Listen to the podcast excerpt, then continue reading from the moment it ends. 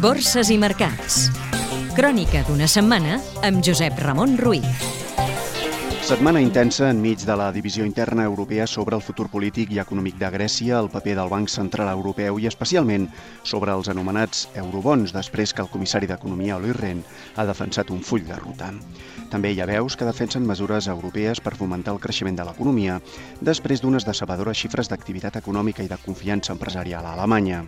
Enmig d'un gran desànim inversor, s'han acabat imposant lleument els números vermells amb uns mercats del deute molt tensats i trasbalsats amb la prima de risc espanyola, encara en zona de màxims històrics des de l'entrada en vigor de l'euro. Aquí, la setmana que el Tresor ha col·locat amb una sòlida demanda 2.530 milions d'euros, més del previst en lletres a 3 i 6 mesos, però paguen més interessos, l'IBEX 35, pràcticament pla, ha baixat un lleu 0,2% i se situa en els 6.543 punts enmig de les pessimistes previsions econòmiques de l'OCDE, de l'anèssima desviació del dèficit públic i dels dubtes sobre la banca espanyola, amb Bànquia, suspesa de cotització. Des de l'1 de gener, el selectiu IBEX 35, que ha endurit les normes per formar part del selectiu, acumula uns números vermells d'un 23,62%.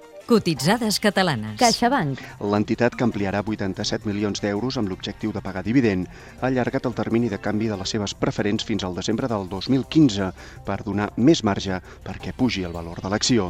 L'interès puja del 6,6% al 7%. Grífols. La companyia en junta d'accionistes ha anunciat que suprimeix el dividend amb l'objectiu de fer inversions i reduir un deute d'uns 2.600 milions d'euros. Fersa Energies Renovables. La companyia ha reiterat la seva oposició a l'OPA presentada per la danesa Greentech perquè és baixa i hostil. Indo Internacional. El jutjat mercantil número 6 de Barcelona ha dictat l'obertura de la fase de liquidació de la societat Indústries de Òptica, la divisió d'ulleres i muntures de la companyia.